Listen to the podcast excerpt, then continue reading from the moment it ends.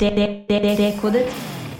Det var et resonnement som, som Einstein kom med, som jeg syns er eh, et av de vakreste resonnementer han kom med. Fordi det var revolusjonerende og nytt å tenke seg at, eh, at på en måte at gravitasjon skulle påvirke hvor fort tiden går.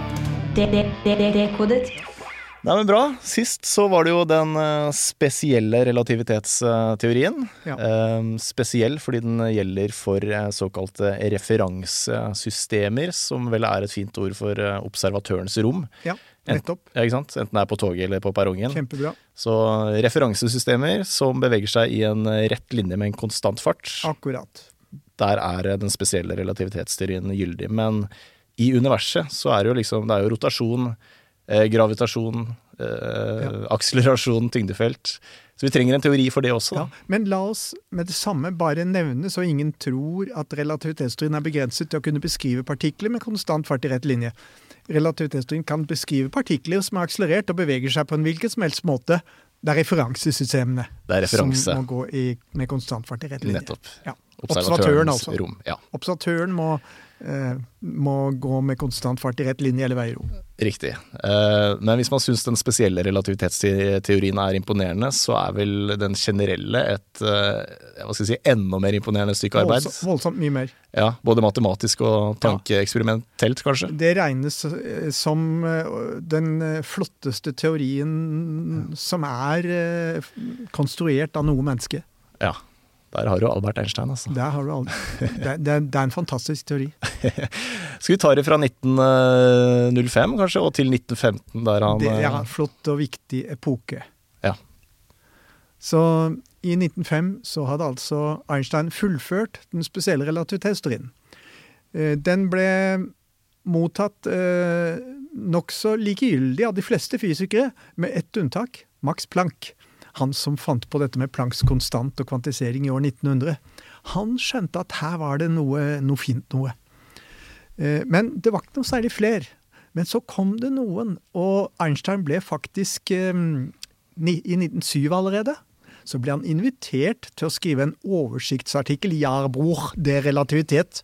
Eh, Ikke den, i Jahrbuch de radioaktivitet. Oh, ja. Det fantes ikke noe sånn journal som het det andre.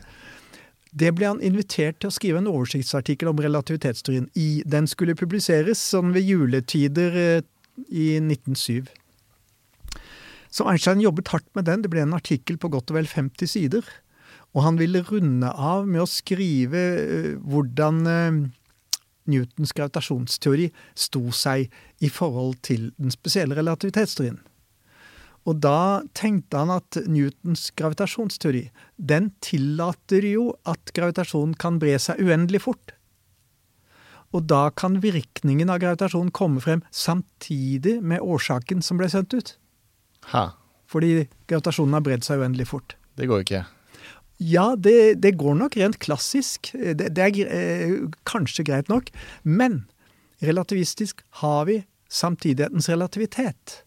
Så hvis, hvis virkning og årsak er samtidige, sett av én observatør, så vil en annen observatør som beveger seg i forhold til den første, kunne registrere at virkningen kommer før årsaken. Og det går ikke. Det er det som ikke går, ja. Det går ikke. Det er et brudd på kausalitetsprinsippet, på årsak-virkning-prinsippet. ja. Virkning skal eh, komme etter årsak. Sånn skal det være, men det er altså ikke oppfylt for gravitasjon hvis gravitasjon kan bre seg uendelig fort.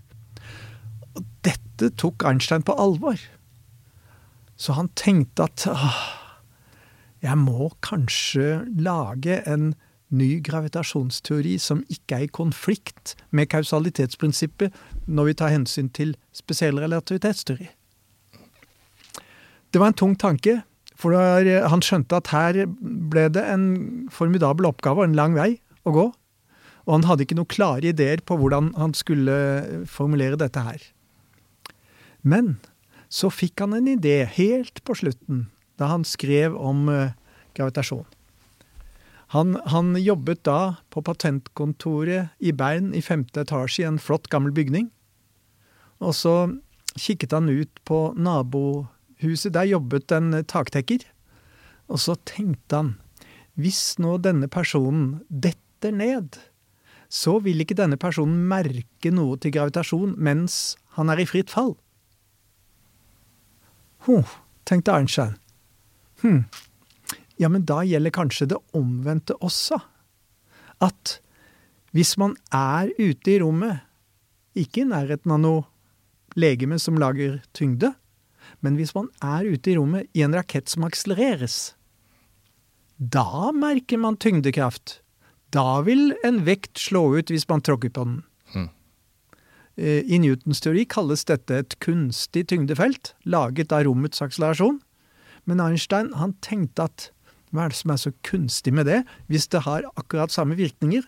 Så han laget et postulat som kalles relativitetsprinsippet, og sa alle de fysiske virkningene av et såkalt kunstig tyngdefelt er ekvivalente med alle de fysiske virkningene av et permanent tyngdefelt laget av en massefordeling.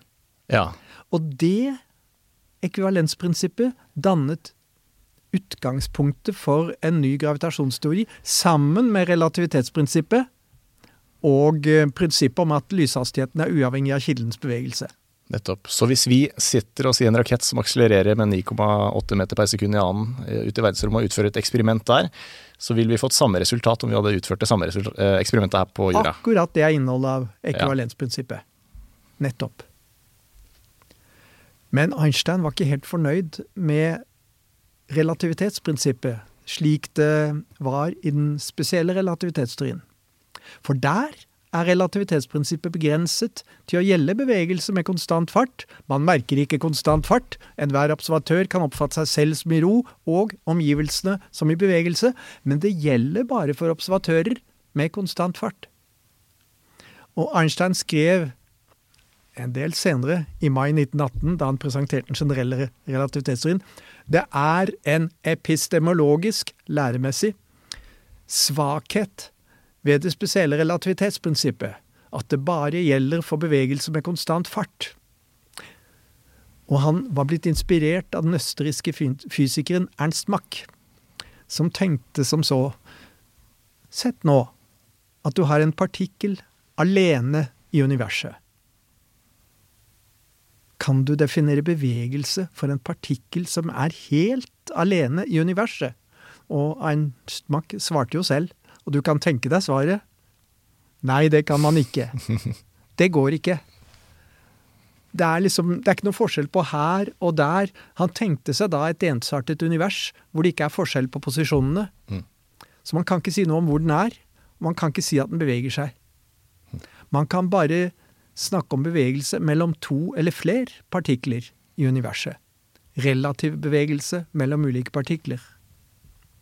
Dette inspirerte Einstein, og han, eh, han, han, tenkte at dette må gjelde for alle typer bevegelse, at bevegelse er relativ, ikke bare for bevegelse med konstant fart. Og så tenkte han videre på ekvivalensprinsippet igjen. Denne raketten som er der ute i universet, og som akselereres. Vi kan altså ikke avgjøre om vi er i en akselerert rakett, eller om vi sitter i ro på en rakett på jordoverflaten. Og da blir til og med akselerert bevegelse relativ. Hm. Du kan oppfatte raketten som i ro selv om den er akselerert. Det er bare at da opplever du et tyngdefelt når du er inne i raketten. Ja. Så dermed en utvidelse av relativitetsprinsippet til også å omfatte akselerert bevegelse. Det var mye vakrere, syns Einstein.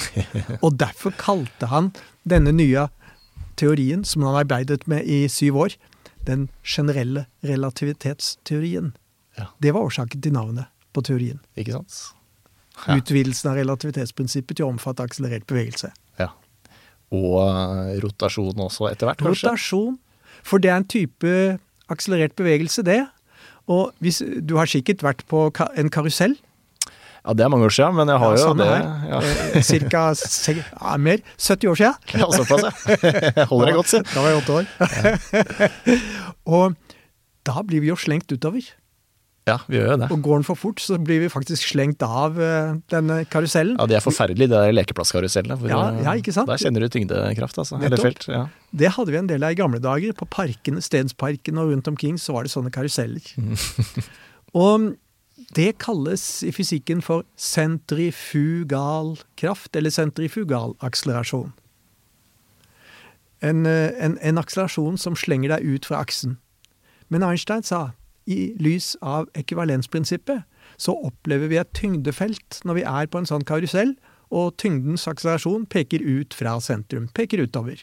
Så det som vi i Newtons teori kaller sentrifugal akselerasjon, det sier Einstein. I lys av ekvalensprinsippet, så er dette en tyngdeakselerasjon. Så, så, Ja, okay. Sånn oppfattes det i relativitetsteorien. Ja. Så er det da tyngdefeltet vi opplever som forklarer ja, at vi blir dratt utover, da? Ja, nettopp. Det er det. Mm. Og når vi sitter her, så opplever vi tyngde. Så det kommer enda noe mer nytt i forhold til eh, den gamle gode, den er veldig god, newtonske fysikken. Treghetssystemer er noe som de lærer om på skolen. På engelsk kaller de det inertialsystemer, men vi kan godt bruke ordet treghetssystemer.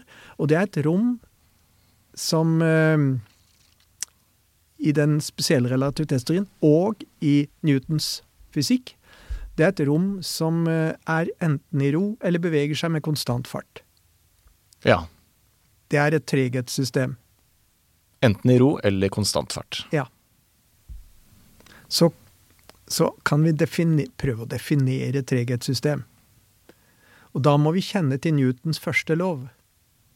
Og Newtons første lov sier at dersom ingen krefter virker på et legeme, så vil legemet forbli i ro eller bevege seg med konstant fart. Og nå definerer vi treghetssystem som et system der Newtons første lov gjelder. I Newtons fysikk, hvis du har et legeme i ro på en karusell, og slipper det, slik at ingen krefter virker på det, da slenges det utover pga. sentrifugalakselerasjonen. Mm. Newtons første lov gjelder da ikke i et roterende system. Mm. Sånn er det i Newtons fysikk. Og heller ikke i en akselerert rakett. Nei, ikke sant. For det er ikke konstant fart. Ja. Einstein hadde et litt annet syn på gravitasjon etter hvert som teorien utviklet seg. Men vi tar det litt på forskudd. Ja, ja. Gravitasjon gjelder ikke som en kraft i generell relativitetsteori. Eh, Vi skal komme tilbake til hvordan gravitasjonen beskrives. Det har litt med rommets geometri å gjøre, og, rommet, og det rommets bevegelse. Det, det kommer vi til ganske snart. Men poenget nå i relativitetsteorien gjelder ikke gravitasjon som en kraft. Men Newton trodde det var en kraft, gjorde han ikke det? Newton mente, og han hadde full rett til å mene det. Ja. Eh, Det var helt prima, det. Newtons gravitasjonslov er en lov mellom krefter, og Newton var helt genial. Han var den første som skjønte at krefter kan virke på avstand. Mm. Det skjønte de ikke før. Da mente de at det måtte være kontakt mellom legemer for at de skulle virke med krefter på hverandre. Mm. Men Newton, det var denne historien med Newton og eplet, da. Eplet som datt ned på bakken. Ja. Gravitasjonen fra jorden virker på avstand på eplet. Da virker gravitasjonen på månen også, og holder månen på plass i bane rundt jorden. Ja. Krefter virker på avstand. Ingen har formulert det før Newton gjorde det. De var gode på sånne tankeeksperimenter, Så, begge ja, to. Newton var fenomenal. Han var, han var helt stor. Eh, Så vi skal ikke kimse av Newton. Han var glimrende. Så, eh, men det er blitt generalisert. Det er ikke blitt vist at Newtons teori er feil, men det er vist at den har begrenset gyldighetsområde. Den er like riktig som den noen gang har vært. Den gjelder for svake gravitasjonsfelter og små hastigheter i forhold til lyshastigheten. Lyshastigheten syv ganger rundt jorden i sekundene, så den er god i dagliglivet, Newton. Ja, Newton til hverdagsbruk, og ute i solsystemet så må vi på Einstein. Der er vi. og Newton sa altså at et treghetssystem det beveger seg enten så er det i ro, eller så beveger det seg med konstant fart i rett linje. Men det er altså definert som et system der Newtons første lov gjelder. Hvis du har et legeme og slipper det, så skal det holde seg i ro. Da er det jo et treghetssystem.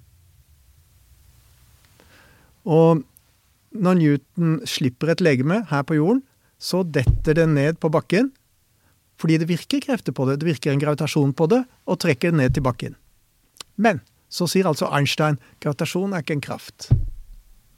Så da er ikke lenger dette rommet som vi sitter i her, et treghetssystem. For definisjonen er at slipper du et legeme, så skal det holde seg i ro hvis ingen krefter virker på det. Og nå, husk nå, nå er ikke gravitasjonen en kraft lenger Nei. i Einsteins bilde. Hvis da legemet skal holde seg i ro, så må rommet vårt være i fritt fall. Ja. Så i Einsteins teori så er treghetssystemer det er rom som er i fritt fall. Mm. Og da oppleves ikke noe tyngde. Nei. Så i Einsteins teori så er tyngde noe man opplever hvis man er i et rom som ikke er i fritt fall. Samme hva. Har ikke noe med massefordeling å gjøre. Nei. Samme hva. Enten du er i en rakett eller sitter her som vi sitter. Ja. Vi opplever tyngde fordi vi to er nå i et rom som ikke er i fritt fall. ja. Derfor opplever vi tyngde. Vi kjenner tyngde, for vi, vi er ikke et treghetssystem. Nettopp. Vi er et rom som ikke er i fritt fall. Vi er ikke i et treghetssystem, som du sier. Så sånn er, det, sånn er det Einstein snakker om tyngde. Ja. Men eh, kan man forklare det enda mer spesifikt hva det er som gjør at, eh, at vi kjenner tyngden, annet enn at vi ikke er i fritt fall? Er det som om, kan man tenke seg at eh, jordkloden på en måte er en gigantisk rakett som akselererer oppover, på åtte meter per sekund? Nei. Ja. Og da, da, da kommer noe annet inn i bildet. Det er, det er litt annerledes. Ja, det vil jeg tro. Og da må vi skjelne mellom lokale og ikke-lokale eksperimenter. Og det jeg har sagt hittil, dreier seg om lokale eksperimenter. Vårt laboratorium er lite. Og eksperimentet vi gjør, er såpass lite at ikke vi kan måle tidevannskrefter. Så nå må vi, siden du nevner dette her, og jeg syns det var et relevant, en relevant kommentar du har der, er noen annen måte å snakke om dette på. Vi må da innom begrepet tidevannskrefter. Og det er newtonsk. Ja. Eh, Da ser vi på gravitasjonsfeltet fra solen og månen. Og for å gjøre det lett for oss, så kan vi jo bare nøye oss med å se på feltet fra månen, f.eks. Gravitasjonsfeltet avtar med økende avstand. Så tyngdeakselerasjonen i det gravitasjonsfeltet månen lager her på jorden, er litt mindre i jordens sentrum enn på den siden av jorden som vender mot månen. Derfor trekkes vannet som vender mot månen, litt mer mot månen enn jorden som helhet. Det er enda litt svakere på motsatt side. Der henger det igjen. Så da blir det, da blir det mm, flo både på den siden som vender mot månen, og på motsatt side. For på motsatt side henger det igjen lite grann. Mm. Og det samme med sola, så de virker jo sammen. Mm. Så tidevannskrefter, det har med forskjell i gravitasjon å gjøre på to forskjellige steder som er nokså nær hverandre. Og i ekvivalensprinsippet så forutsetter vi at vi gjør målinger med så liten romlig utstrekning og så kort varighet i tid at vi ikke kan måle tidevannskrefter. Det er da vi har denne ekvivalensen at alle eksperimenter vi gjør ute i en rakett, gir samme resultat som på jorda. Hvis vi ser litt mer globalt på det, hele gravitasjonsfeltet rundt jorda, da kommer veldige tidevannskrefter inn i bildet. Så vi må skjelne mellom et lokalt synspunkt, Ja. der ekvivalensprinsippet er gyldig, og et mer globalt eh, synspunkt, hvor vi heller snakker om jordas gravitasjonsfelt.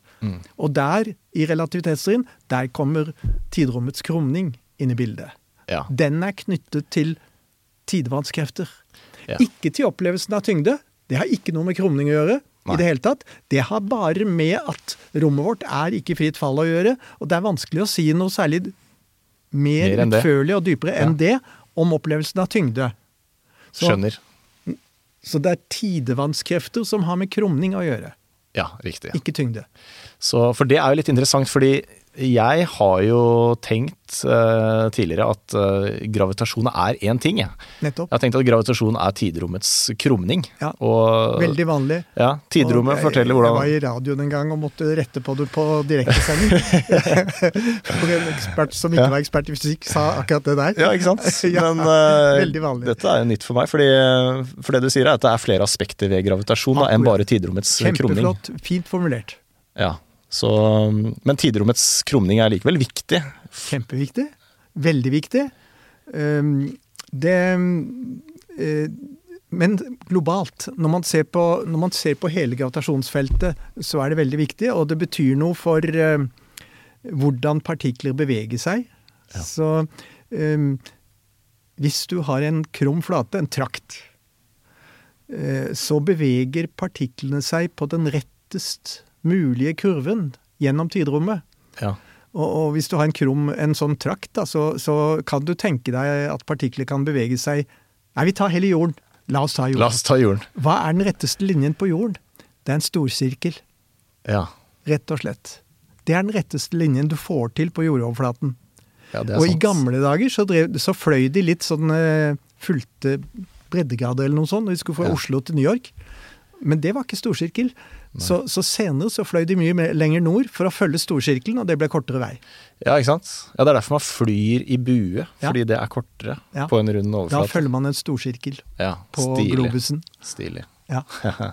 Så, så frie partikler følger storsirkler, og Ja. bare for å ta det tekniske ordet, de følger geodetiske kurver. Ok. Så Men det er i, i, på jorden så er det en storsirkel. Da. en storsirkel. Men objekter og partikler tar alltid korteste vei i tidrommet, kan man si det? Eller Ja, det- raskeste vei, på en måte. Men at det ikke alltid er en rett linje. Eller det er jo en rett linje, men i et kurvet tidrom. Nå, nå, nå må jeg skuffe deg litt, og, for nå skal jeg gjøre det vanskeligere. Ja, gjør det. Det er motsatt. Det er lengste vei. Er det det, ja? Ja. Og det kommer av at tidlignende kurver, det er, det er, det er kurven, det er banen til eh, partikler som går langsommere lys gjennom tidrommet. Og lengden til en sånn kurve måles ved å se hvor mange ganger en klokke som partikkelen bærer med seg, tikker. Egentid kalles det. Lengden av en partikkels eh, bane mellom to punkter, det er egentiden eh, målt på en klokke som følger partikkel. Og så er det slik da at eh, hvis en partikkel er i ro, så tikker klokken fortest mulig. Du snakket vel litt om det forrige gang, at vi kunne ha en bane gjennom tidrommet med en Ja. komponent gjennom rommet og en komponent gjennom tiden. Ja. Og jo raskere bevegelse gjennom rommet, Er det mindre igjen til tiden? er det mindre igjen til tiden. Husker du beskrev det så fint? Ja, hva var det? At eh, Ikke sant? Eh, Du skulle forklare at, at- tiden går langsommere for klokker som går fort gjennom rommet. Ja, og så kan man vel tenke seg da at alle objekter faktisk beveger seg med eh, lysets hastighet gjennom tidrommet. Disse to, eh, den firedimensjonale virkeligheten vi lever i, da, hvor tid er den fjerde dimensjonen. Eh, og hvis man da står eh, helt stille, så bruker man jo all hastigheten gjennom tiden, og ikke noe mer eh, gjennom rommet. Men hvis man da begynner å bevege seg gjennom rommet, så konverteres noe av hastigheten til bevegelse gjennom rommet, og så er det mindre hastighet igjen til tiden. Så da går tiden saktere. Ja. Cirka sånn. Cirka sånn. Og det er kjempefint. Og det, der, det har sammenheng med hvordan partikler beveger seg gjennom tidrommet. For vi har et prinsipp som sier at de beveger seg slik at egentiden mellom to punkter blir størst mulig.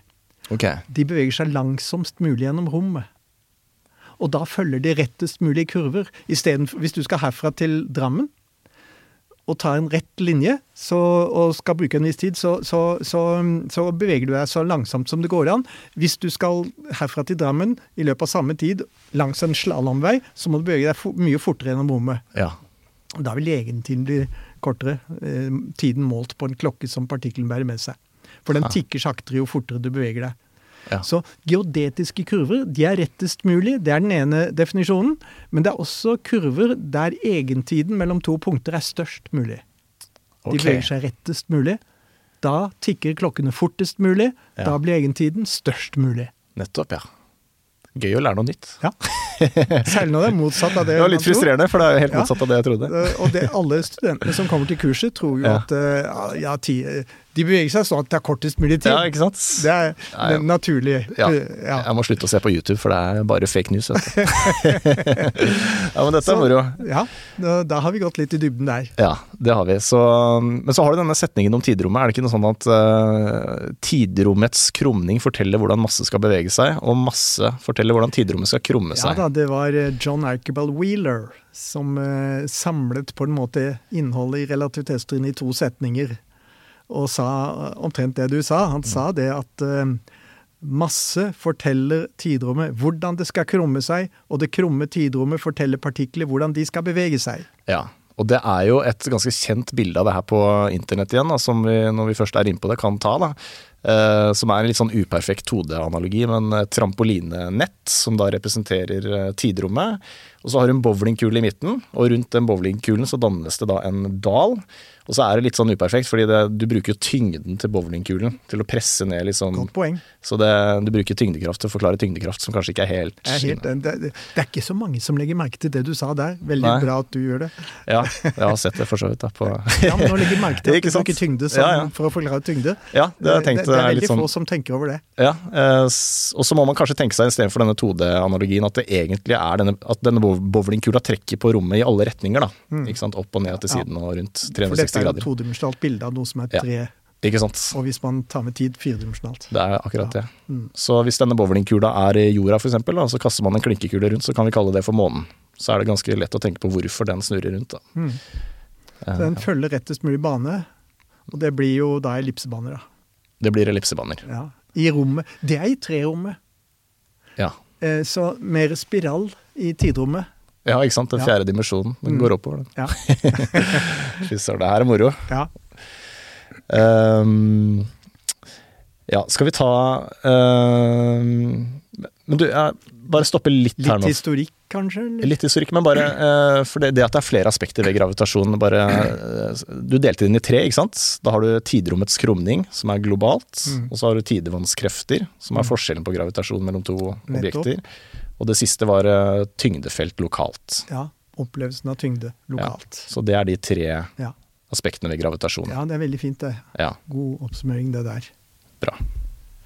Skal vi ta litt om gravitasjon og tid? Ja, la oss prøve. okay. For den er såpass uh... Det var et resonnement som, som Einstein kom med, som jeg syns er eh, et av de vakreste resonnementer han kom med. Fordi det var ingen som hadde tenkt i de baner før. Det var revolusjonerende og nytt å tenke seg at, eh, at tiden På en måte at gravitasjon skulle påvirke hvor fort tiden går.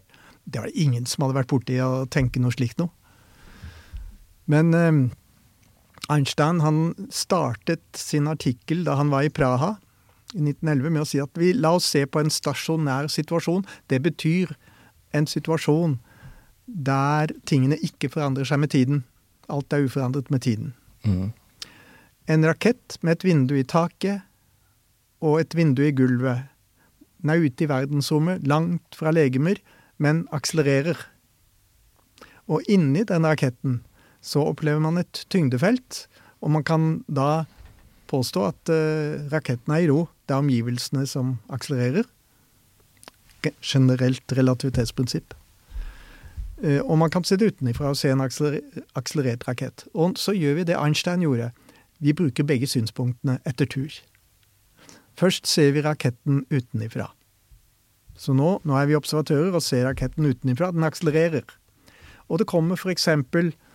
ti lysbølger inn gjennom takvinduet per sekund. Mens lysbølgen beveger seg fra taket til gulvet, akselererer gulvet oppover pga. rakettens akselerasjon. Så idet lysbølgen treffer en detektor nede ved gulvet, så har den detektoren fått en, rett, en, en hastighet oppover, beveger seg mot bølgene, og da opptrer det som kalles en dopplereffekt, som jeg tror vi har snakket om før. Mm. En dopplereffekt.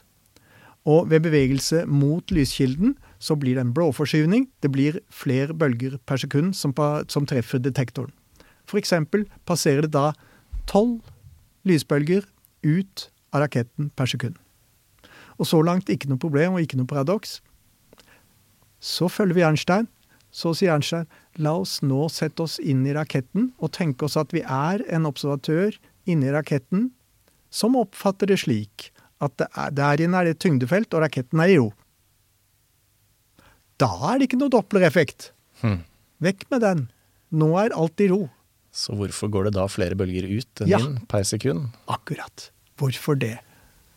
Og dessuten, sa Einstein, ti bølger inn og tolv ut, da vil jo rommet tømmes for lysbølger, og det er i konflikt med antakelsen at vi så på en stasjonær situasjon, og den var jo stasjonær sett utenifra, så der kommer en selvmotsigelse inn i bildet. Ja, for det skal ikke gå flere ut enn inn. Nei, for det gjorde vi jo ikke sett utenifra. Nei.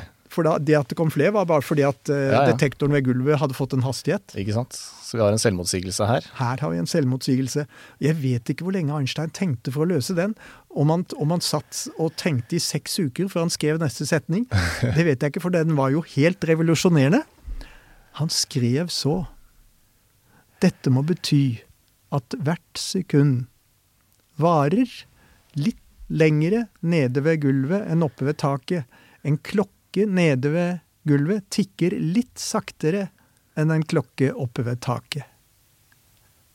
For hvis det er slik, så vil det kunne passere flere lysbølger per gulvsekund enn det kommer inn der oppe per taksekund. Og da, Ja. da tømmes ikke rommet. Eh, Det er bare det at klokken der nede tikker litt saktere, så det passerer flere bølger per sekund ut der nede fordi klokka tikker saktere. Ha! Det er stilig. Det er sånn Fordi da er det det der må vi ta. Fordi eh, Ja, så grunnen til at det her ikke er en selvmotsigelse, er altså fordi klokka tikker saktere nede ved gulvet. Ja. Ett sekund nede ved gulvet går eh, varer lenger enn ett sekund opp i taket. Akkurat. Så selv om det går ti bølger inn per sekund i taket, og tolv bølger ut per sekund nede ved gulvet Så hvis vi tenker altså at når det har gått ett sekund nede ved gulvet, så har det gått mer enn ett sekund opp ved taket. Yes, Ergo flere enn ti bølger inn. flott. Og da blir det like mange inn og ut. Ja. Fordi gulvsekundet varer lenger. Fin oppsummering. Det er eh, Tenk å komme på det der. Ja, ikke sant? Det er jo så fantastisk. Jeg, sy jeg syns det er det vakreste resonnementet Einstein Ja. kom med. Ikke minst Jesus fordi det var en Christ. fundamentalt ny erkjennelse når det gjelder tid. Ja, shit. Tyngde gjør at tiden går langsommere langt nede. Ha. Ja, Det er flott å komme på det, da. Ja. Han opplevde ikke at det ble eksperimentelt bekreftet, for det ble eksperimentelt bekreftet første gang i Paul-eksperimentet i 1960, og Einstein døde i 1955. Ah, uflaks. Han, han, han var forut for sin tid, Ja altså. da, men han hadde sikkert selv, selvsikkerhet på at han hadde rett, tipper jeg. han, han er endt med det. Ja. Ja. Nei, det, han er rå. Han er den største. Ja, ja. det er jo helt rått Ja. å tenke ut det der. Ja, det er, uh... Det er helt fenomenalt. Og nå brukes jo det i GPS-sammenheng. Ja, det gjør det. Ja. Ikke sant. Så hvis man ikke Man prøvde jo først å ikke ta hensyn på det, for det var opprinnelig et militært system. Og, og eh, de militære toppsjefene trodde ikke noe på at uh, generell relativitetsteori skulle ha noe å si for uh, nøyaktigheten i. GPS-klokkene. Det hadde det, vet du. Det hadde det. Så de, de monterte inn en frekvensregulator som ikke de slo på. Og to måneder etter så var det jo så dårlige resultater, og da skjønte så slo de inn på. Og fra da så stemte alt sammen. Fy søren, altså. Albert Einstein. Jeg blir bare mer og mer imponert. Ja, det er helt fantastisk. Lite sidespor og digresjon her. Tror du, tror du vi noen gang får oppleve en ny Albert Einstein? Altså Ikke vi. Ikke vi. Nei, det, det, det, eh, du kan sammenligne Newton og Albert Einstein. Det er 300 år mellom dem. Ja, ikke sant. Så jeg tror ikke vi opplever Nei, kanskje en gang i fremtiden. For jeg har tenkt litt sånn der med sosiale medier og nesa nede i mobilen, og de som vokser opp nå som kanskje er født med en super IQ, da, men som kaster bort mye av ressursene på eh, distraksjoner. Den- altså, du må ha litt tid til å fantasere og tankeeksperimentere. Som, Hvis det kommer en Ja. som greier å lage en akseptabel, og med det mener jeg en, en teori som kan forutsi fenomener vi ikke har, kjenner til, og som så bekreftes, en akseptabel kvantegravitasjonsteori, det vil være en sånn person. Det var en sånn person. Det er en sånn universell teori for alt, det, ikke sant? Ja, og, og en forening av kvantefysikk Ja. og relativitetsteori. For den mangler, den foreningen der. Det er, ja, det er masse forsøk, men det er ingen som er akseptabel i den forstand Nei. at de har greid å utlede fenomener som så kan testes, og enten motbevise teorien eller bekrefte. Men den strengteorien er en type forsøk på det, er det ikke det? Men, Veldig ambisiøst forsøk, ja. med lang vei mellom grunnprinsippene og, eh, og det å forutsi fenomener. Den har altfor stor frihet. Den benytter seg av en komplisert geometri, noe som kalles kalabiau-mangfoldigheter, som det er forferdelig mange av. Og de har ikke noe prinsipp til å begrense hvilken type verden har. Så det er en frihet der som gjør at uh, den har ikke Den er ikke sterk når det gjelder å forutsi fenomener. Det er Nei. altfor stor frihet i okay, teorien. ja, nettopp. Så det er vanskelig å både bevise og motbevise, kanskje? Ja, akkurat. Ja. Ja. Så man har foreløpig ikke en sånn teori. Så, så den, den som virkelig greier å lage en, en teori som står seg i forhold til det Det er jo et av fysikkens grunnprinsipper. En teori skal kunne falsifiseres. Ja. Så den som greier å lage det, der har vi Einstein nummer to. Nummer to. Det er sikkert mange som prøver, da, vil jeg tro. Det er en del som prøver. Det er det. Eh, Det finnes mange typer eh, forsøk. Men, Ja. men de har ikke greid det enda, altså. Men eh, du har også forska litt, har du ikke det? Altså, Ja du har ikke bare forelest, eh, du har, for, ja, har 150 forskningsartikler. ja, du har det? Ja. Så du har gravd litt i materien du også? Jeg har, eh, jeg har kommet med et forslag til hvordan man kanskje kan få et hint om hvordan man skal kvantisere gravitasjon ved å bruke noe som kalles Kalusa-Klein-teori. Oi. Vil du ha noen ord om det? Ja, jeg kommer til å dette, men kjør på. Theodor Kalusa var en tysk fysiker som eh, gjorde noe som forresten en finsk fysiker, Nordstrøm, hadde gjort noen få år før. Nordstrøm 1912. Theodor Kalusa 1919. Fulgt av eh, Oskar Klein, svensk genial fysiker, 1928. De tre. Eh, Nordstrøms prøvde å forene elektromagnetisme og gravitasjon. Og for å få det til, så tenkte han seg at Og da hadde Einstein introdusert begrepet tidrom. Så han tenkte seg da at verden var femdimensjonal med en ekstra romlig dimensjon. Ja. Og så formulerte han eh, da, 1912 Da eksisterte ikke relativitetsteorien. Den ble fullført i desember 1915. Så han, eh, så han brukte sin egen versjon av en generalisert gravitasjonsteori. Og fordi han gjorde det, så ble hans forsøk nokså raskt glemt etter at relativitetsteorien så dagens lys.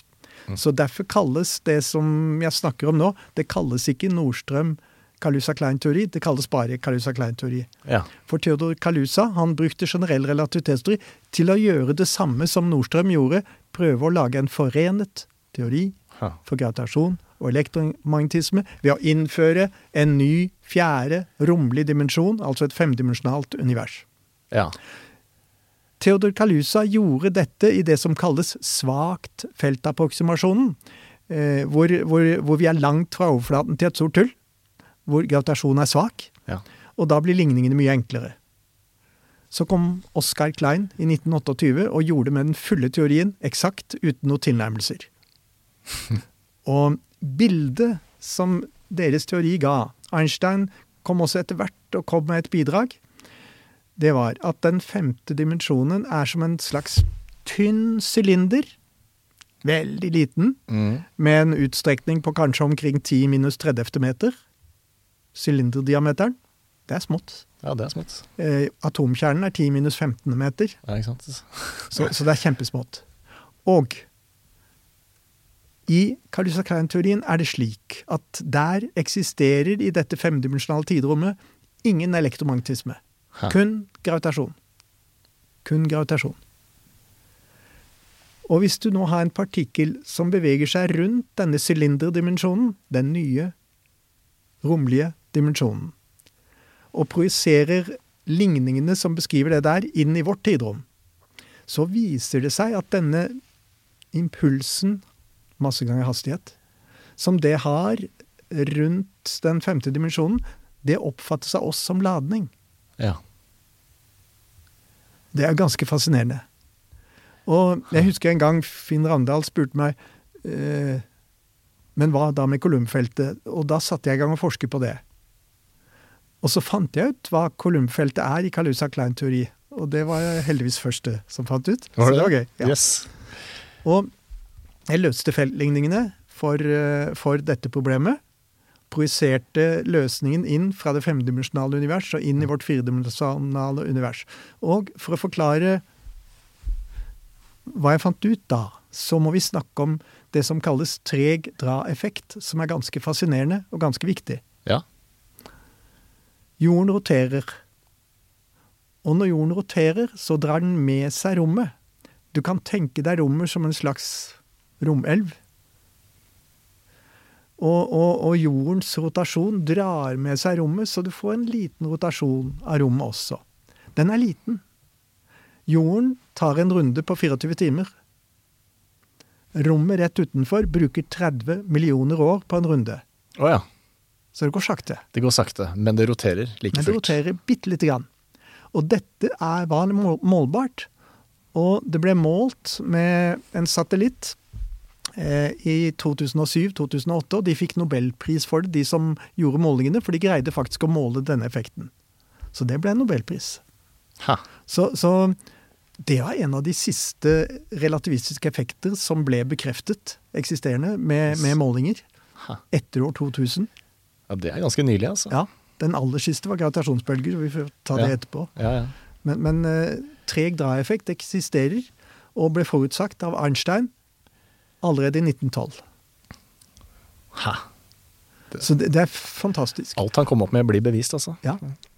Og det som viste seg da jeg løste disse Calusa-Klein-teoriene for eh, partikkel som går, roterer rundt den femte dimensjonen, det var at treg dra-effektfeltet til den partikkelen For husk at i den femdimensjonale verden var bare gravitasjon. Bare gravitasjon, ja. Ikke. Projeksjonen av det treg dra-effektfeltet, Ja. Det er det elektriske feltet til ladningen. Ok. Så det var, det var veldig gøy å finne ut det. Ja. Det var en aha-opplevelse. Ja. Og jeg visste at ingen andre var klar over hva det var. Så dette er så det, det var en rar følelse å, å på en måte være den eneste i verden som visste det en liten stund. Ja, det må jo ha vært en sinnssyk følelse. wow. Ok, så i, eh, i denne Ja, det må jo ha vært uh, Hvor lenge var du den eneste? Eh, En til jeg hadde publisert det. Ja, ikke sant? Et par måneder sikkert, hvor du bare gikk og godta deg på kjøkkenet. ja, det, Drakk vin og- det vet ikke det. Men okay. jo, det var, det var en artig, artig ting, altså. Ja. Absolutt. Så i denne femdimensjonale øh, virkeligheten her, så er det denne dra... Hva kalte du det? Eh, På engelsk inertial dragging field. eh, Treg dra-effekt. Ja, som gjør at vi i vår virkelighet Mm. oppfatter det som elektromagnetisme. Ja, akkurat. Ha, stilig. Ja, det er ganske stilig. Det er nesten science fiction, føler jeg. Men, uh. Det er jo det. Det er nesten science fiction, det der. Og, og nå, nå nevnte vi jo et begrep eh, som som vi kanskje må inn på. Sorte hull har vi ikke snakket om. ja, og gravitasjonsbølger nevnte jeg så vidt her i sted. Du kan styre hvilken vei du ønsker vi skal gå akkurat nå. nei, vi, vi begynner med gravitasjonsbølger, og så hopper vi inn i svarte hull til slutt. Ok. Igjen forutsagt av Einstein, denne gangen i to artikler. Eh, Først en artikkel i 1918 som inneholdt en liten regnefeil, og det oppdaget Einstein selv. Og så en nydelig artikkel hvor, vi, hvor det ikke var noe feil. Eh, hvor han forutsa eksistensen av gravitasjonsbølger. Og det er, den, det er den siste effekten som er blitt oppdaget av de som Einstein har forutsagt. Og det kom i 1912 omtrent. 1911, 19, unnskyld, i 2011-2012. Ja, 2011-2012. oppdaget man Og det var LIGO. LIGO eh, gravitasjonsdetektoren i USA, Ja. med en fenomenal nøyaktighet. Hvor de måtte måle avstand mellom to speil eh, med en nøyaktighet på 10 minus 18 meter. Og hvis du tar 10 minus 18 meter, så får du plass til 1000 atomkjerner etter hverandre. Skjønner. Så, så, så fenomenal nøyaktighet. Ja. Ingeniørkunst på På- aller høyeste plan. Stilig, altså. Men ja, uh, vi må ta hva er en gravitasjonsbølge? Det ligger jo Ja, litt i ordet, men uh, kan man visualisere det her på noen måte? Det er, litt for, uh, det er litt forskjellig fra elektromagnetiske bølger. Og vi må kanskje snakke bitte litt om bølger, da. Eh, Vi har lydbølger som vi er vant til, og som gjør at vi hører hverandre her nå. Det er trykkbølger. Vi trykker sammen luften litt, og så de, treffer de trykkbølgene eh, Er det horn, en hinne inni øret? Hornhinnen, kanskje? Mm. og, og, og setter i gang vibrasjoner i den, og gir oss uh, lydinntrykk. Så har du elektromagnetiske bølger, som treffer øynene og gjør at vi ser, Mm. og gir oss synsinntrykk. Lydbølger, det er trykkbølger. De, de, der er bevegelsene i samme retning som bølgen forplanter seg. Derfor kalles det longitudinelle bølger. Mm. Langsbølger på norsk. Elektromagnetiske, det er tversbølger. Da har du svingninger på tvers av bevegelsesretningen. Og det som svinger, det er elektriske og magnetiske felter. Så det veksler mellom å være elektriske og magnetiske felter, og det skjer svingninger der.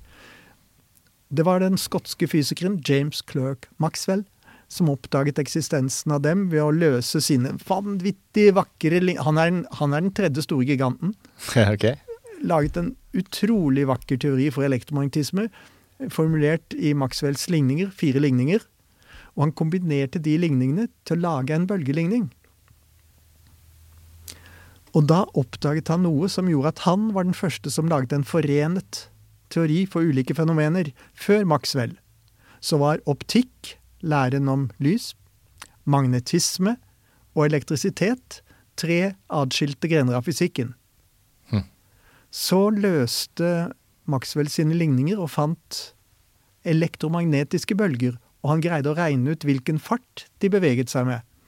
Han fant at de beveget seg med 300 000 km per sekund, og han kjente til, var det danske Nørsted, som hadde målt hvor fort lys beveger seg, nettopp med 300, met 300 000 km per sekund. Da tror jeg nok Maxwell fikk sitt livs største aha-opplevelse. Plutselig visste han hva lys er. Lys er elektromagnetiske bølger. Ingen før han visste det. Så, så det og, og, og, han hadde da laget en forenet teori for optikk, magnetisme og elektrisitet. Meget vakker Rått. og fin teori. Det var elektromagnetiske bølger. Og det som sender ut elektromagnetiske bølger, er akselererte ladninger. Så har vi gravitasjonsbølger. De er litt annerledes. Hvis du akselererer en ladning, får du ikke ut gravitasjonsbølger. Du må forandre fasongen til et legeme for at det skal sende ut gravitasjonsbølger. Det å ha et ikke-symmetrisk legeme som roterer, et som buler ut på ekvator f.eks., det, det regnes som en formforandring, så de, de, vil kunne sende ut gravitasjonsbølger. Men det du særlig får gravitasjonsbølger av, er hvis to massive legemer, to stjerner, kolliderer med hverandre. Ja. Da kan du få kraftige gravitasjonsbølger. Svær energi. Kan vi se for oss det som bølger gjennom tidrommet på en eller annen måte? Ja, det er krumningsbølger. Krumningsbølger. Ja. Tidrommet som krummer seg Ja, i og de bølgeform. krumningene forplanter seg med lyshastighet. Ja, det går fort, vet du. Og det er veldig rart. Man kan lure på om det er en om det antyder en sammenheng mellom elektromagnetisme og gravitasjon. Ja. At lys og gravitasjonsbølger går, går, går med akkurat samme hastighet. ja. Kan ikke være noe tilfeldighet. Gjelder det også for alle observatører, uansett eh, referansesystem? At, uh, Ja, jeg tror det. ja. Det gjelder helt sikkert for alle for lys. Jeg tror det samme gjelder for Ja, det, det må det. Ja. Ja, det gjelder for alle. for ellers hadde det vært noen som det ikke var det samme for. Ja, ja. Og det er det ikke. Nei. Så det er ganske forunderlig. Ja, det er veldig, veldig rart, det der. Påfallende likhet, ja. Ja.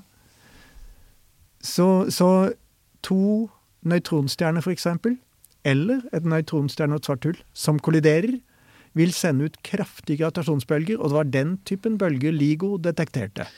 Einstein forutså det, LIGO detekterte det. Ja, 100 år seinere cirka. ja ca. 100 år seinere.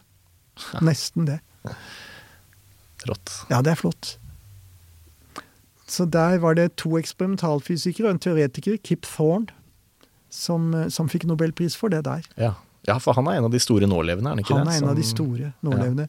Og den, den, det som vi kalte bib, relativitetsteoriens bibel, det var en lærebok av eh, Thorne, Wheeler og eh, Misner. Misner, Thorne, Wheeler, det er rekkefølgen man pleide å si. Ja. Som het Gravitation, og som er på ca. 1400 sider. Oh, ja. Du har lest den, selvfølgelig. Ja. Fabelaktig bok. Ja, ikke sant? Kip, det er han der med skjegget, er ikke det? Kip Jo. Thorne? Jeg tror jeg har sett noen bilder av han. Ja. Så jeg hadde gleden av å holde en tale for han i Vitenskapsakademiet en gang. Ja, jeg ser for meg at dere har vandra i samme kretser. Og, Ja, på en måte så har han, han har hjulpet til å innføre relativitetsteorien til Norge. Ja. Da professor Finn Ravndal var i USA, så prøvde han å lære seg relativitetsteorien. Det var tungt, det var kjedelig å regne ut, og han måtte regne ut masse størrelser, såkalte Christoffel-symboler, som viste seg å være null, så det var bortkastet tid å regne dem ut. Ja. Men man kunne ikke se det på forhånd. Nei, så han la vekk det der. Så kom Kip Thorne på besøk, og brukte en mer kraftfull matematikk, hvor han bygget antisymmetri inn i tensorformalismen. Det høres tøft ut. ja, det var tøft for meg. Ja, det er tøft. um, og um, da ble det morsommere å regne, for da slapp man disse bortkastede beregningene av størrelser som viste seg å være null. og mm. Det ble veldig fint. Så, så Finn han innførte da dette, laget et kjempeflott kurs med et kompendium på 500, nesten 600 sider, som han laget.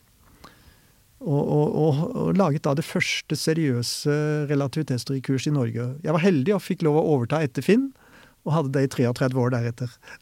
altså så. Men Kip Thorne var altså eh, på en måte eh, Han hadde en faktor med i spillet. Det var han som tente den store interessen til Finn Randal for relativitetsteorien. Ja, det, er, eh, det er kanskje ikke så stort miljø, dere som Nei, har drevet det. med dette? Nei, i- i Norge er det lite. Ikke sant? Ja. Mange indiere, fordi på en måte er det billig å drive med teoretisk forskning. Og Ja, og regner. Ja, ja. Det er klart. Så, hvor, eh, og mange kinesere. Ja. Og der er det mange mennesker, så. Ja. Men hvor mange tror du dere er i Norge som, som skjønner denne relativitetsteorien helt ut, matematisk Jeg og har, eh, konseptuelt? jeg har jo utdannet en del, da. Eh, Hvis vi tar hvor mange som har fulgt kurset mitt Ja. ja, da er det kanskje mange. da, Det det var 33 år, og jeg, ja, skal vi ta et snitt på 10? Da er det 300 300. som fulgte kurset. Men så er det jo ikke alle som kan det lenger, for man må bruke Nei. det for å kunne det ordentlig. Noen datta underveis Så- òg, vil jeg tro. Ja, men det var mange gode. Ja, Dette var det- et masterkurs. Ok, ja. Men, men som, som vil kunne snakke på en noenlunde detaljert og dyp måte. Skal vi si ti? Er ikke flere? Ja, røftlig. Fy søren. Ja, da er jeg glad du kom hit. Ja, for det, det, det er eh, Man må bruke det for å holde det ved like. Ja. ja, det er komplekse ting det her, altså. Ja, det renner nok ut hvis man, eh, hvis man ikke bruker det.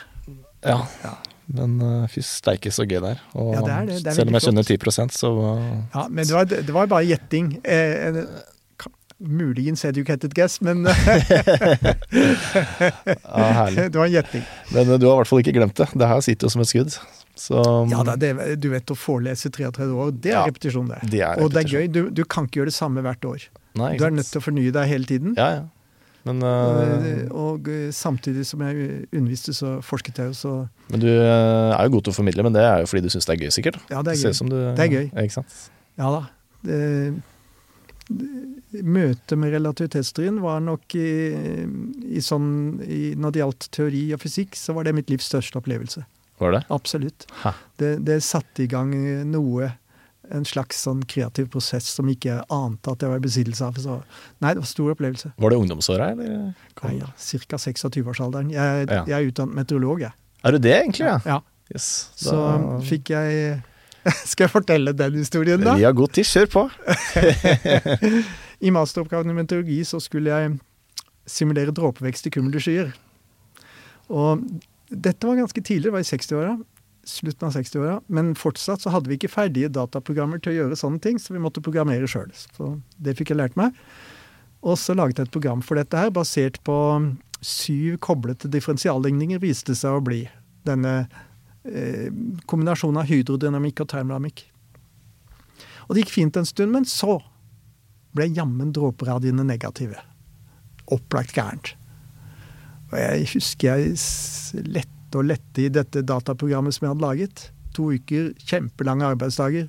Fant ikke feilen. Fryktelig frustrert. Jeg er tvilling. Så da, gram i hu, gikk jeg ned til Fysisk institutt og tenkte dette orker jeg ikke mer av. Nå må jeg gjøre noe morsomt. Jeg må finne en artikkel om tvillingparadokset. Vi, vi har kanskje snakket om det. Og så fant, var jeg så heldig å finne en artikkel i Physical Review, som var et tidsskrift som stort sett publiserte vanskelige artikler. Men denne var skrevet av en eksperimentalfysiker og var veldig enkel artikkel, så jeg skjønte alt som sto i den der. Og det var så enormt inspirerende at neste halvår gjorde jeg ikke annet enn å jobbe med relativitetsteorien. Leste og regnet og regnet og leste.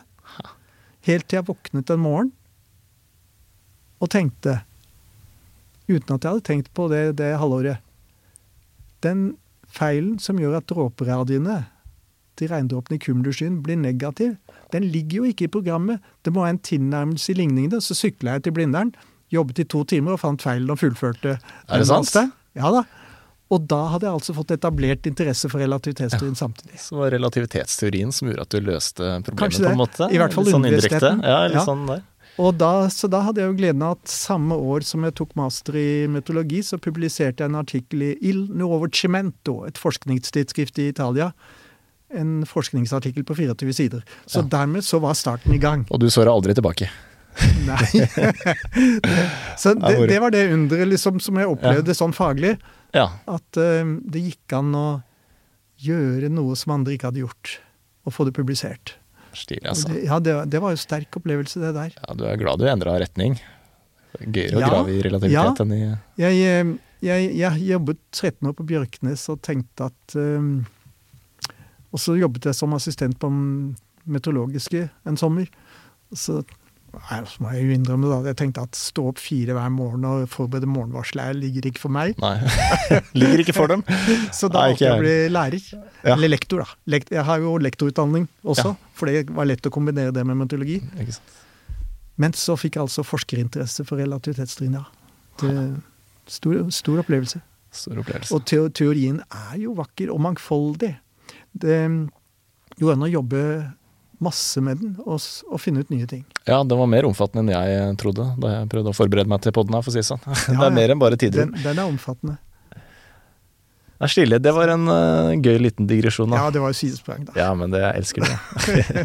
Skal vi hoppe tilbake til gravitasjonsbølger? Eller vi blei jo på en måte omtrent ferdig med de, kanskje? Ja.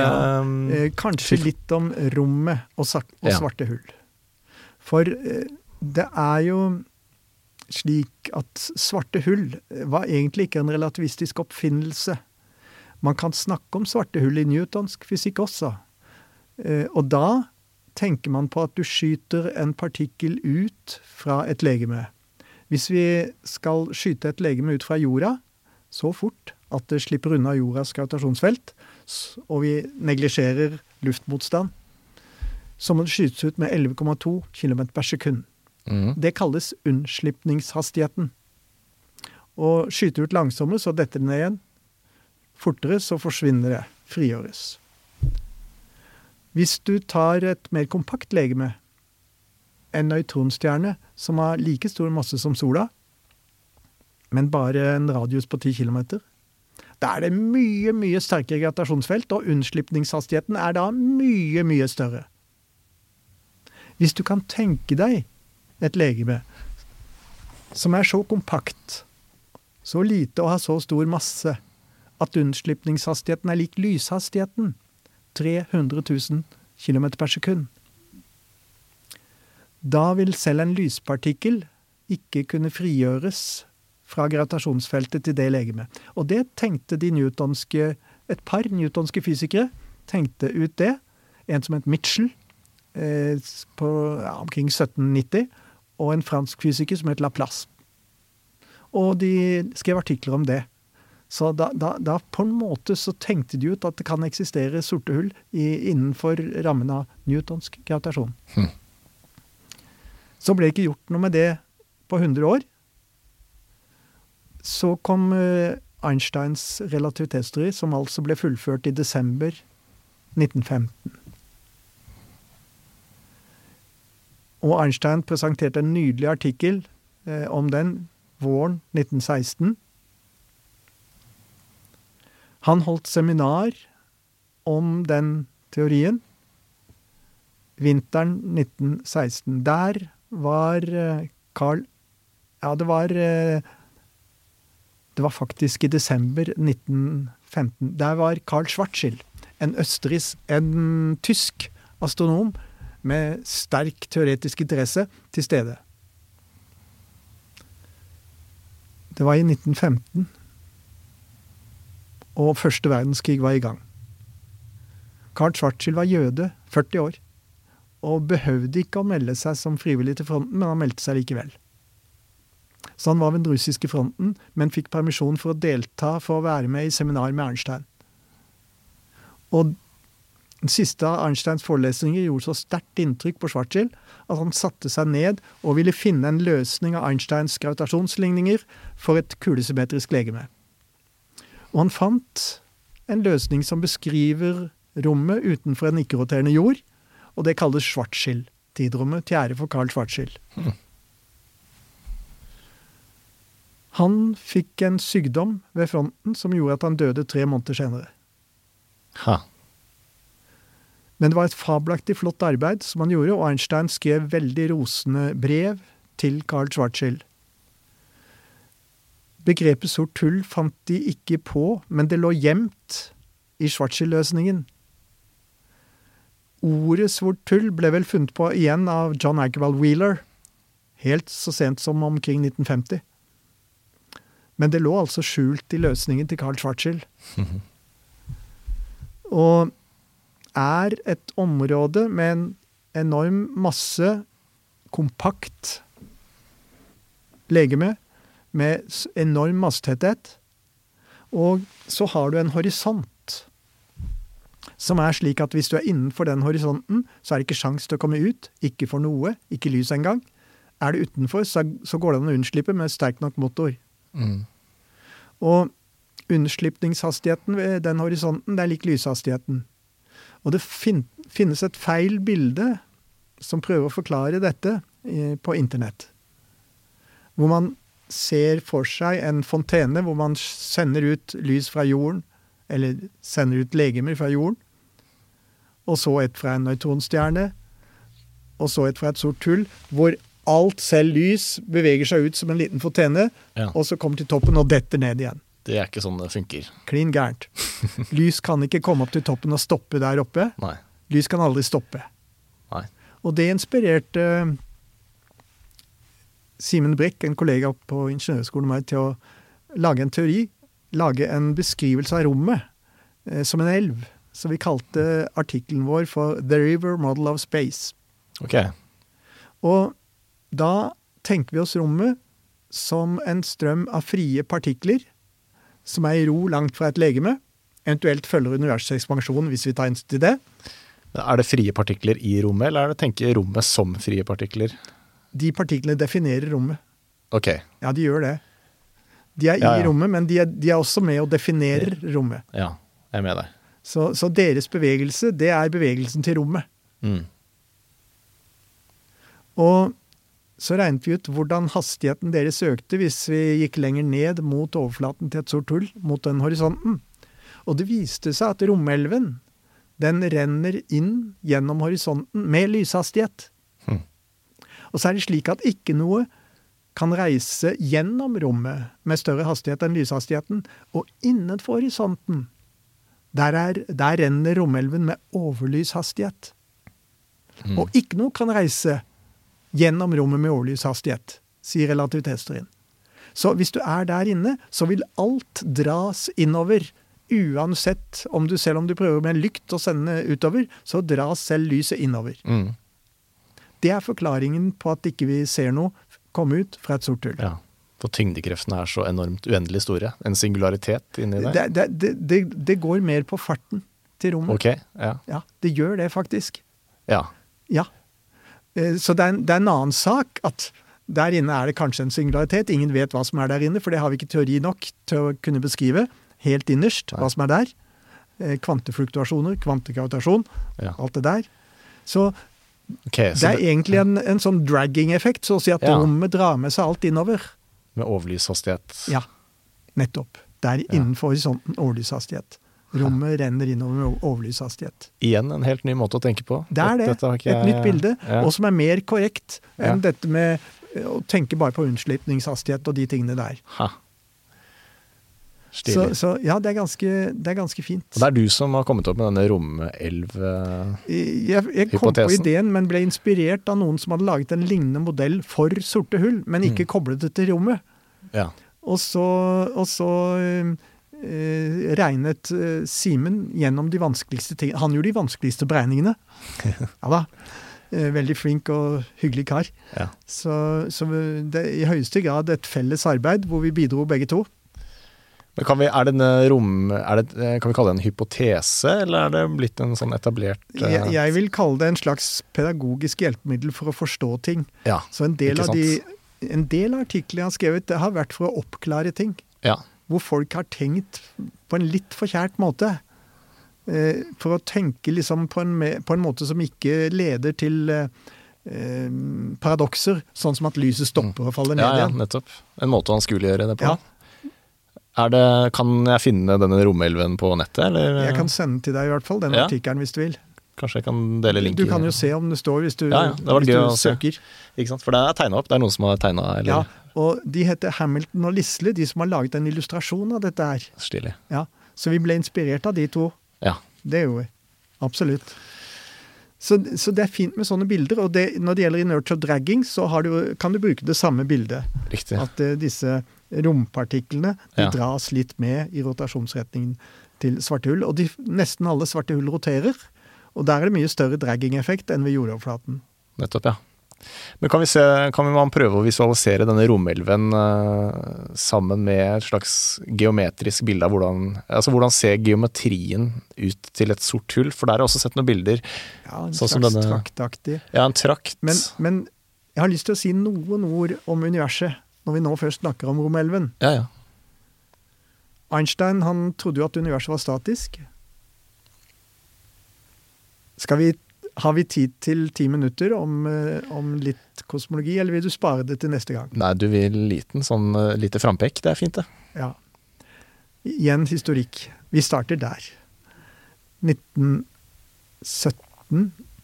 Jeg kan tenke meg at Einstein, da han hadde fullført relativitetsteorien og skrevet en nydelig introduksjonsartikkel på en 40-50 sider, den var kjempefin, faktisk pedagogisk skrevet, og så en bok, så hva, hva, hva kan vi finne på nytt nå?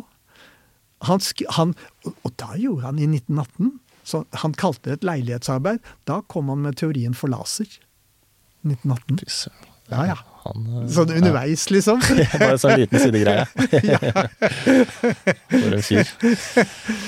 Så, så han var slik, ja. Ja.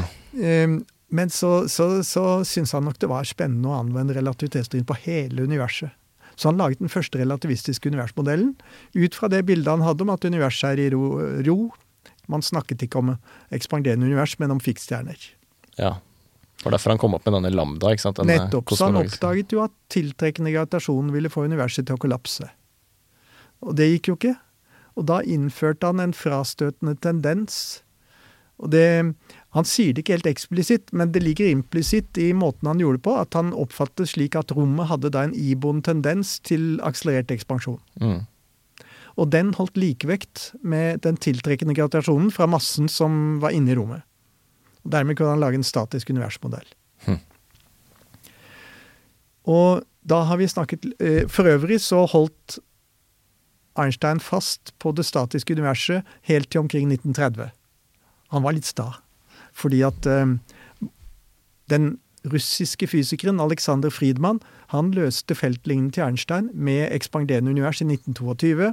Og den belgiske kosmologen Lemaitre. Georges Lemaitre, ja, nettopp 1927. Mm. Men Einstein venta til 1930 med å akseptere Ja, greit, da. og da noen ord om ekspanderende univers og romelven.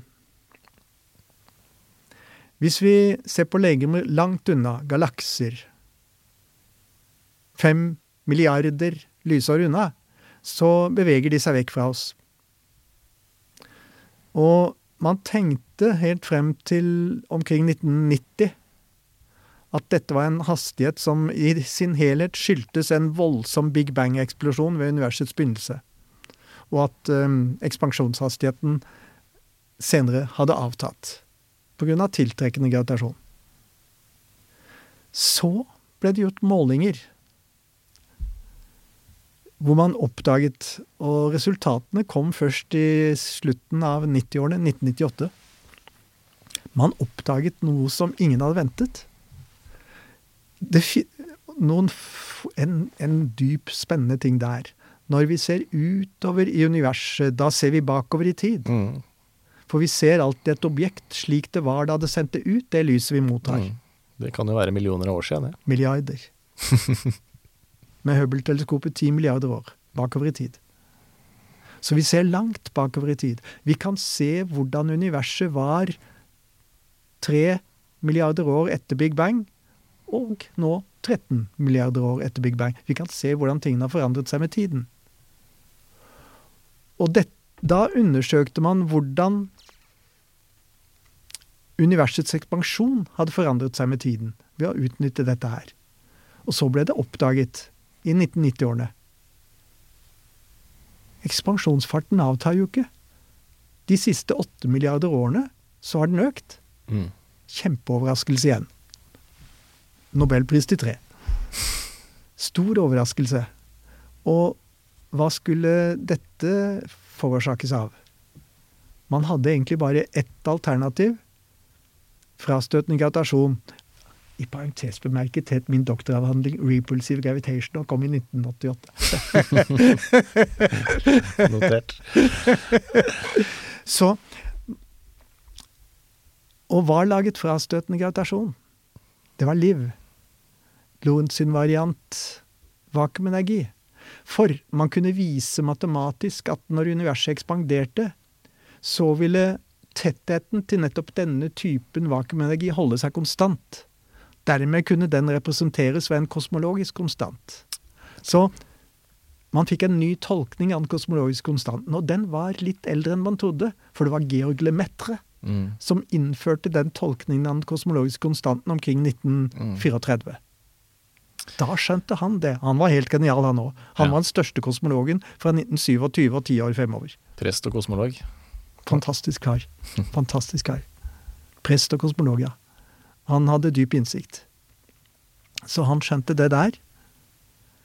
Og når man kommer langt nok ut, nå kan vi tenke på romelven, så renner altså rommet utover pga. frastøtende gravitasjon fra vakuumenergien.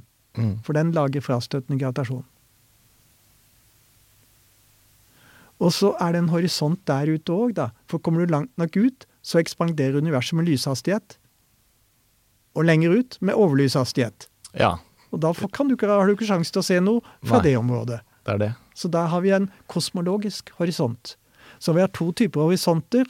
En svart hull-horisont, hvor vi ikke kan se det som er innenfor horisonten, og en kosmologisk horisont, hvor vi ikke kan se det som er utenfor horisonten. Men det er samme fysikk bak, men med, Ja. men med motsatt fortegn, på en måte. Med motsatt fortegn. Ja. Jeg tror jeg er med deg. Ja. Så det er ganske flott, det hele. Og, og på en måte hjelper romelven det, gjør det lettere både å se for seg tingene og snakke om dem. ja, absolutt. Men det har vært gøy å se et visuelt bilde av det. Men det, Ja. det sender du. Det fins ja, Ja. det kan jeg sende deg. Men Ja, ikke sant. Fordi Men du nevnte dette med For jeg hadde jo en episode også om mørk energi med han Jostein Riiser Christiansen for litt siden, hvor vi snakket litt om det her. Eh, Nå begynner det å bli en stund siden, da. Men det at vakuumenergi forklarer universets akselererende ekspansjon, er ikke det kun en Det er vel den ledende hypotesen, Ja. men det er vel noe med at den vakuumenergien er altfor stor, eller eller at Eh, at beregningene Igjen stemmer så ikke helt. mangler vi altså en sterk nok teori til å kunne regne ut tettheten av vakuumet. Jeg, tror vi må- jeg tror vi trenger en kvantegravitasjonsteori for å gjøre Det det. er, ja. Hvis man nå prøver å bruke kvantemekanikk til å regne ut tettheten av vakuumenergi, Ja. og sier vakuumenergien kommer av kvantemekaniske vakuumfluktuasjoner, Ja. Da får vi tall vi har ikke liksom stemmer ikke så mye annet å si. Nei.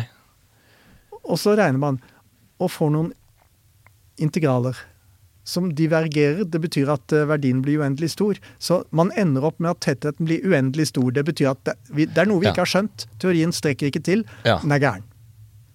Og det de gjorde da, det var å lage en sånn cutoff. De, de, de, de, fjerner uendelighetene, Mm. men den grensen de havner på da, det er plank-størrelsene. Mm. Og plank-tiden, det er 10 minus 43 sekunder. Plank-lengden er 10 minus 35 sekunder, og plank-tettheten, den er 10 i 93. kilo per kubikkmeter. Men tettheten av vakuumenergi er antageligvis 10 i minus 126 kilo per kubikkmeter. Så man får en uoverensstemmelse mellom den? Planck-kutoffen Ja. og den observerte tettheten av vakuumenergi med en Ja. faktor på 10 opphøyd til 120. ja, det er såpass, ja. Ja, det er den, stør den største uoverensstemmelsen man Ja. kjenner til mellom teori og observasjon i fysikken. Men du tenker fortsatt at uh, mørk energi handler om vakuum? Uh, Ja da, vi har ikke teori til å beskrive dette ordentlig. Nei, det er rett og slett det. Hva, hva denne vakuumenergien er. Hvis, selv om vi antar at det er kvantefluktasjoner, så har vi ikke nok Nei. teori til å beskrive dette på en ordentlig måte. Kanskje Einstein 2 finner ut om noen hundre år. Ja, jeg har sett en veldig lovende artikkel, en fin en, skrevet av Unruh, U-N-R-U-H, og en medarbeider, som var veldig fin, eh, hvor de tok hensyn til at i fluktuasjonene så er det både områder med frastøting og tiltrekning, og så blir det et slags gjennomsnitt. det, De greide ikke å regne ut eh, eksakt tettheten, men, men eh, det var liksom et stykke på vei. Ja, Eh, Men, men også de mener nok at man trengte en enda sterkere teori enn det vi er i besittelse av, for å kunne fullføre det regnestykket der. Men det, det som Einstein innførte i ligningene sine, denne kosmologiske konstanten, eller lambda, Ja. hadde det noe med vakuumfluktasjoner å gjøre for han, eller var det bare tall han bare Vakuumfluktasjoner ikke, var ikke funnet opp enda i 1917, 1819. Ja, så han bare lagde en konstant for å få et stabilt eh, statisk univers, han. Ja, så, så Einsteins tolkning, det blir da Og nå kan vi jo nelle litt om Newtons første lover. Einsteins tolkning, det er at rommet har en iboende tendens til akselerert ekspansjon. Den naturlige tilstanden er ikke å være i ro for rommet, men å utvide seg med akselerert ekspansjon. Mm. Så har du en partikkel et stykke fra en observatør, så vil ikke den holde seg i ro. men den vil bevege seg vekk fra observatøren med en eh, akselerert bevegelse. Mm. Og, og akselerasjonen den er lik eh, kosmologisk konstant delt på tre ganger lyshastigheten i annen ganger avstanden. så hvis du setter inn verdien av den kosmologiske konstanten, så får du da en vanvittig liten akselerasjon. Og, og Newtons første lov, eh, lov, gjelder med glimrende nøyaktighet under alle mulige eh, realiserbare eksperimenter. Ja. Men i prinsippet så får du en revisjon av Newtons første lov Ok. hvis du tar hensyn til Einsteins tolkning av den kosmologiske konstanten som en iboende tendens for rommet til Ja. å ha en akselerert ekspansjon. Og da handler det om hvilken side av ligningene man setter den lambdaen på. At eh, ja, på venstresiden så er det rommet, og på høyresiden det er helt riktig. Lemaitre han innførte da denne tolkningen at den kosmologiske konstanten er et mål for tettheten til Lorentz sin variant vakuumenergi. Det er den som oppfører seg med konstant tetthet til liv. Det var Lemaitre. Og i Arnstads feltligninger så er strukturen at du har krumning på venstre side, mm. er proporsjonal med noe som kalles impuls-energitegnsorden. Du har materie på høyresiden. Og energi. Materie og energi. Så eh, hvis du setter nå den kosmologiske konstanten på krumningssiden, så oppfatter du den ikke som en del av Nei, materien. da er det ikke vakuumenergi heller. Nettopp. Da er det ikke vakuumenergi. Men tar du den på høyresida, så tolker du den annerledes. Ja, ikke sant. Så det er helt riktig det du sier der. Ja. Ja. Lærte det av uh, Jostein. Ja. Um, ok, stilig. Fy søren, nå har vi uh, Dette her var skikkelig gøy. Det er jo mye fint. Ja, mye fint. Uh, nå har vi tatt den den generelle relativitetsteorien og noen deilige digresjoner Ja, vi har og tatt sidespor. ja, vi har det. Det må vi unne oss. Ja, vi får gjøre det. Uh, men eh, kanskje vi da Jo, det vi ikke har eh, Et par ting til før vi runder av. Eh, vi snakket om noen sånne eksperimentelle bevis eh, som Einstein forutså. da Disse gravitasjonsbølgene som ble bevist eh, 100 år senere. Ja, Eh, og, og gravitasjonell eh, tidforlengelse, Pound-Repka, 1960. Ikke sant? Ja, det ble også bevist, ja. Ja. Um, Havflek-Keating nevnte jeg ikke. Eh, to amerikanske fysikere tok med seg cesiumklokker, noen svære beist som tok hvert sitt sete, om bord i jumbojeter. mm, De hadde ikke råd til å chartre fly, så de måtte bruke rutefly. Og det betydde at de måtte, når de skulle forutsi hva klokkene skulle måle fordi de skulle sammenligne hvor lang reisetid måler klokkene som er om bord på flyet, hvor lang reisetid bruker de som står igjen i Washington Airport. Og de tok to, eh, to reiser. En, en rute som gikk samme vei rundt jorda som jorden roterer, og en som gikk motsatt vei. mm. Også et halvt år før eksperimentet så hadde de regnet ut hva de ville vente at disse klokkene skulle vise, og publisert det i Science. Så det var en skikkelig prediksjon. Mm. Og så gjorde de eksperimentet, og det ble bekreftet med ikke imponerende nøyaktighet, men mellom 15 og 20 nøyaktighet. Ja. Men dog fint. Ja Veldig fint. Og begrepsmessig så flott. Og enkelt. Ja, ja. Var, her var det skikkelige klokker som var ute og reiste med fly. ja. Einstein var inne på noe igjen, altså. Ja. Eh, og så var det dette med gravitasjonell, gravitasjonell lysavbøyning ved solformørkelse. Den er ganske viktig, da. 1919. Skal du ha litt av historien? Gjerne. Ok. ja, det er en fascinerende historie. Einstein skjønte allerede i 1912 at gravitasjonen ville avbøye lys, men da hadde han jo ikke fullført relativitetsteorien. Så da han da regnet ut lysavbøyningen, så ble det halvparten av det han kom frem til senere. Og da var det en tysk astronom eh, Jeg husker ikke navnet på han, noe, sånt, noe som ligner på Erwin eller noe sånt, men jeg husker ikke helt navnet, som ville teste dette her, og fikk samlet sammen observasjonsutstyr. Eh, Det en, dette måtte testes under solformørkelse, Mm. for da kan man se stjerner som er nær sola, og så kan man se om posisjonen til de stjernene er litt annerledes i forhold til andre stjerner eh, når sola er, eh, er der, Ja. eller på en annen årstid når sola er et annet sted. Legge fotografiske plater over hverandre og se om det er noen forskyvninger av posisjonene Ja. til stjernene, og det vil i tilfelle komme av lysavbøyning. ja. Så greia her er at eh, hvis vi har en stjerne som befinner seg f.eks. rett bak sola i vårt synsfelt, så vil man observere den stjerna litt til siden for sola. Helt riktig. Men på dagen så er det umulig å se dette, så vi trenger en solformørkelse. Ja. Og, og for å se den forskyvningen til siden, så, så må det fotograferes det feltet av himmelen, både når solen er til stede og når den ikke er til stede, og så legger man de fotografiske platene oppå hverandre og ser om det er noen forsyning. Mm. Sammenligne. Så det ble ja ikke helt gjort. For han forberedte seg grundig og fikk med seg en god del utstyr som eh, skulle kunne gjøre det mulig å gjøre disse målingene i Russland. Men det gikk jo et par år, så han kom seg av gårde i 1914. I august 1914 brøt første verdenskrig ut. Og russerne trodde da at han hadde med seg observasjonsut, hadde med seg spionutstyr. Så han ble fengslet, og utstyret ble beslaglagt, og han fikk aldri gjort de målingene. Ah. Vitenskapelig så var ganske, da, da var det ganske gunstig. For hvis han hadde gjort de målingene og fått nøyaktige målinger som var dobbelt så store som prediksjonen fra 1912, så hadde det ikke skjedd helt i den vakreste rekkefølgen. Nei. For da ville man først hatt eh, en, et feil, en feil teori. Ja. Så ble målingene de viste at nei, den var feil, og så, og så ville relativitetsteorien vært en korrigert teori da, liksom etter det. Det hadde ikke vært så pent. Men nå, sånn som det ble, så skjedde tingene i riktig rekkefølge. Einstein kom med den fulle prediksjonen 1,75 busekunder i eh, 1916, og så ble eksperimentet gjort i 1919. Og enda finere enn det, det var jo krig mellom Tyskland og mange andre land, annet England. Første verdenskrig. Men det vitenskapelige miljøet i England, det var åpent. Og selv om den gamle helten til gravitasjonsteorien var Newton, deres egen, og den nye, Einstein, deres fiende, så ville britene teste teorien. Ikke fordi de var sikre på at den eh, var feil, Einsteins teori, men de ville teste den. De ville se hva stemmer.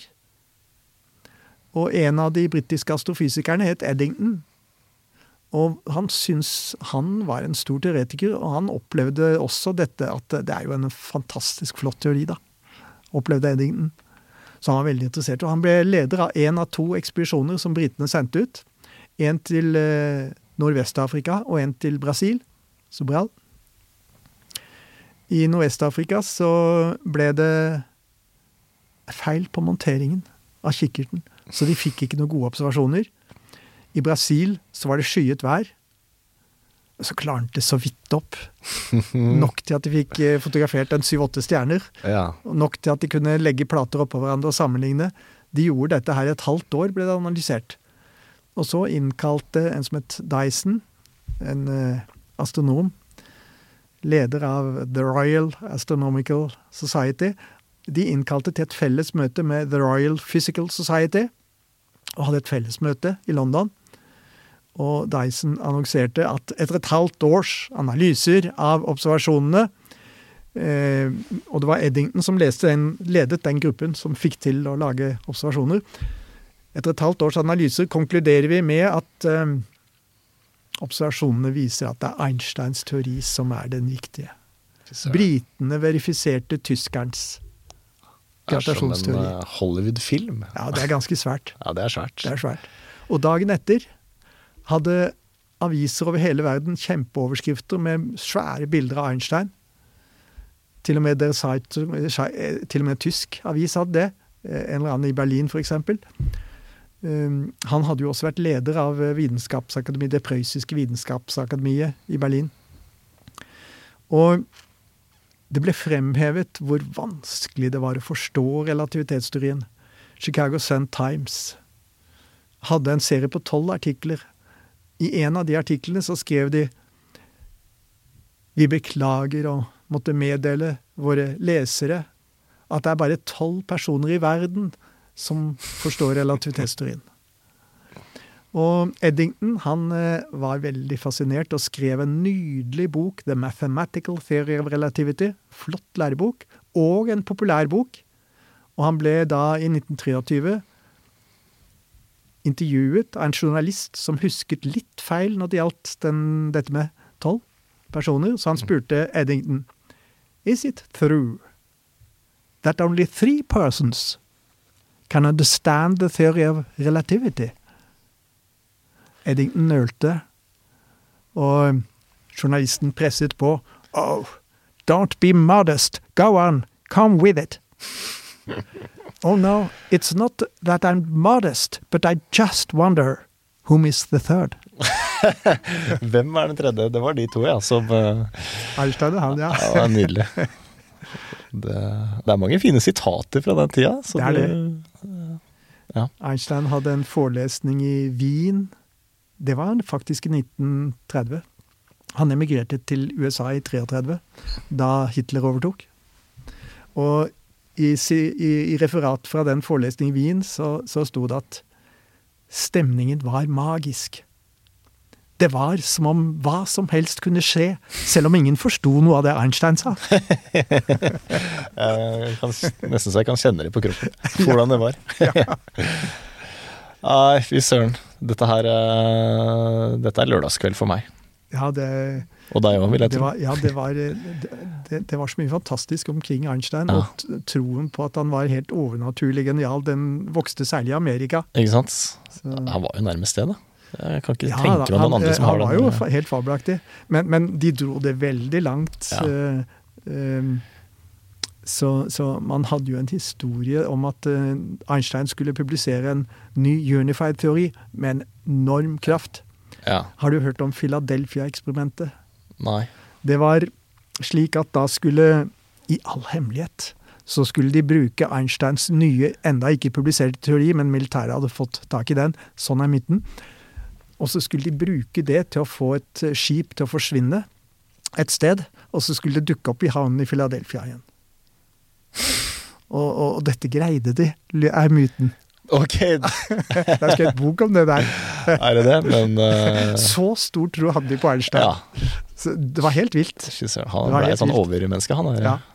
er? Men han hadde jo en egen eh, altså han hadde en egen evne til å tenke liksom skal si, utafor boksen, Veldig, uten å gjøre det så forferdelig komplisert. Men Ja. det, det som er liksom rett foran nesa vår, det var Mm. Einstein som fant, da. Det Ja. Ja.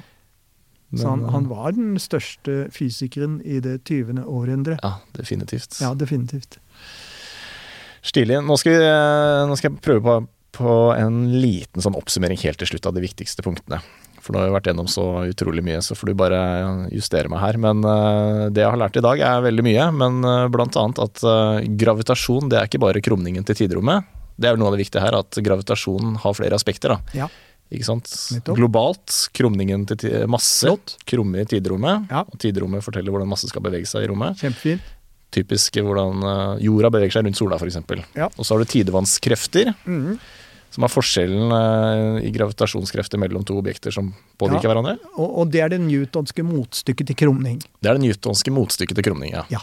Og så er det lokal, eh, lokalt tyngdefelt. Så hvis jeg holder en Lokal opplevelse av tyngde. opplevelse av tyngde, Ja. så hvis jeg holder en sprettball her og slipper den, og den faller ned, Ja. så er ikke det noe Så vi behøver ikke snakke om felt her, Nei, men rett og slett opplevelsen Ja. av tyngde. det, betyr, det er rett og slett fordi vi ikke befinner oss i et treghetssystem. Ja, vi er i et rom som ikke er i fritt fall. Vi er i et rom som ikke er i fritt eh, fall. Da opplever vi tyngde. Da Og det har ikke noe med krumning å gjøre. ikke noe med krumning å gjøre. Nettopp. Det er en stor misforståelse. Ja.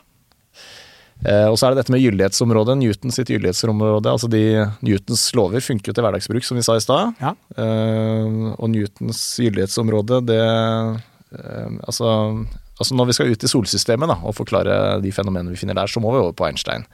Nei, vi kan greie oss med Newton. Ja, men hva med Eh, Fordi, eh, la oss presisere. Ok. Gyldighetsområde, svake gravitasjonsfelter, det betyr at du er langt fra overflaten til et sort hull. Og lave hastigheter, det betyr lave i forhold til lyshastigheten, syv ganger rundt jorden i sekundet. Ja. Og hvis vi er ute i solsystemet, så for å få sola til å bli et svart hull, så må du klemme sammen sola til den får en radius på tre kilometer. ja. Vi er langt utenfor det. Vi er i et område med svært svakt gravitasjonsfelt, og Newton funker godt. Eneste jeg tenkte på, var Merkurs eh, bane, som Ja, har en litt sånn uvanlig en, bane som det, seg. det er en sånn veldig finhet. Ok, det- det en- Så det blir det sånn, sånn- eh, flisespikk, da? Så litt sånn Ja, ja, feinschmecker? den- men altså, hvis du tenker på å beskrive raketter, planeter, fysikk i solsystemet, Da kan man da Newton. funker Newton glimrende. Riktig. Men så har du den ene tingen som ikke vi har snakket om, faktisk. Newton, eh, Merkurs perihel presisjon. Og hva er så det? Vi får ta en liten prat om det da, før vi runder av, Ja, ja. siden du nevnte det. Ja, ja. Og det var et gammelt problem fra ca. 1870. For da oppdaget de dyktigste astronomene, dette var en observasjonssak, at aksen til Merkur står ikke stille i rommet. Den beveger seg som aksen på en eh, snurrebass når den begynner å sakke av på farten, og går liksom sånn i litt kjeglefasong. Ja. Så selve banen forflytter seg? Aksen beveger seg sånn. Okay. Banen forflytter seg ikke. Å nei. Det er selve aksen som roterer rundt rotasjonsaksen. Men ja, nei, det var dårlig sagt. Eh, Det er aksen som roterer i forhold til baneplanet, er riktigere sagt. Ok. Den, den, ser du for deg en snurrebass? Ja, ja. Hvordan den beveger seg når den begynner å sakke av, Ja. før den velter? Det gjør jeg. Det er en tilsvarende bevegelse. Ok. Skjønner. Det blir observert. Newton forutsier at hvis et legeme er alene i, i rommet, så vil aksen ikke flytte seg i det hele tatt. Den er helt i ro. Men, sier Newton, gravitasjonsfeltet fra Jupiter og jorden kanskje, Venus, vil kunne påvirke aksen til Merkur. Og det greide astronomene å regne ut. Det var et kjempevanskelig regnestykke, men de, de, de var enormt flinke til å regne. Så de regnet ut ø, hvor stor bevegelse det ville bli. Og de fant en uoverensstemmelse i presisjonsbevegelsen på 43 buesekunder per 100 år. Noe som ikke Newtons gravitasjonsteori og kunnskapen om solsystemet kunne forklare. Det var et uløst astronomisk problem i 40 år. Så da Einstein begynte å nærme seg en gravitasjonsteori, 1912-13, han var ikke ferdig ennå, så satt han og Michel Besso, en av hans beste venner, sammen en par måneder og regnet på prestasjonsbevegelsen til Merkur. Og fant om Ja, nei, tingene stemte ikke helt. De gjorde nemlig noe regnefeil. Dessuten var ikke teorien helt fullført, men det, det skulle ikke ha noe å si. Men de gjorde noe regnefeil. Einstein gjorde av og til det. Men Så da prøvde han å revidere gravitasjonsteorien sin. Han, han, han fant liksom ikke de korrekte newtonske resultatene ordentlig, og det kostet han tre år å, å finne de korrekte feltligningene. Men den første av fire torsdager i desember 1915, da han var invitert til å holde foredrag av Det prøyssiske vitenskapsakademi, så presenterte han en ny regning av eh, presisjonsbevegelsen til Merkur. Og da regnet han riktig. Og da ble resultatet at det var en relativistisk korreksjon, og den var 43 busekunder per 100 år. Og han skrev et kort til en god fysikervenn av seg, og, og, og skrev da at um, aldri før i mitt liv har jeg vært så glad over et resultat som jeg har funnet. Da skjønte han at han var på rett spor. Da Det måtte være noe, noe riktig i denne teorien. Ja, det må ha vært en deilig følelse. Og så jobb, jobbet han dag og natt en måned til før han hadde de korrekte feltligningene. Ja, Men, men han skjønte da den første torsdagen i desember Ja. 1915 at han var på rett spor. Ja. Så det var vel det første beviset, eksperimentelle beviset det på at han han var inne på ja. Ja. Det- Han greide å løse et 40 år gammelt astronomisk problem. Relativitetsteorien løste det. Da man blir, kan bli motivert av mindre. Da, Han ble veldig glad, sa han. Han skrev til vennen sin Jeg ble så glad at jeg greide ikke å arbeide hele den neste dagen. Det skjønner jeg godt. Ja, Veldig bra. Hvor langt eh, strekker gyldighetsområdet til Einsteins relativitetsteori seg, da? Fordi- Det, det har eh, grenser definert i møte med kvantefysikken. Ja, Så sorte da hull bryter det sammen, eh, kan vi si det da? Ja, vi møter Først for å si hvilke dimensjoner det er. Ja. Da møter vi Planck-dimensjonene. Og Planck-lengden er 10 minus 35 meter. Planck-tiden 10 minus 43. Så hvis du tenker på universets begynnelse, the big bang, så er det akkurat som om selve the big bang er skjult bak et teppe med Planck-lengde 10 minus 35 meter. Og, og, og Planck-tid. Hvis du går tilbake i tid, så møter du det teppet ved tiden 10 minus 43 sekund. Og det som er innenfor der, det har vi ikke sterk nok teori til å beskrive. Jeg tror vi da må ha en kvantegravitasjonsteori. Så gyldighetsområdet til relativitetsteorien, det er utenfor det teppet. Mm. Utenfor Planck-dimensjonene. Så det er et generelt prinsipp at en teori får definert sitt gyldighetsområde i møte med en annen, mer omfattende teori. Mm. Helt til slutt, når kommer den teorien? Kvantegravitasjonsteorien, det fullkomne universelle svaret på alt. Einstein prøvde å lage en forenende teori for elektromagnetisme og gravitasjon, men han trakk ikke inn kvantemekanikk. Det har de prøvd å gjøre fra rundt 1950-60. Nå har de holdt på i 60 år. Og ikke greid det. Som du nevnte, supersymmetrisk strengteori er det mest ambisiøse forsøket.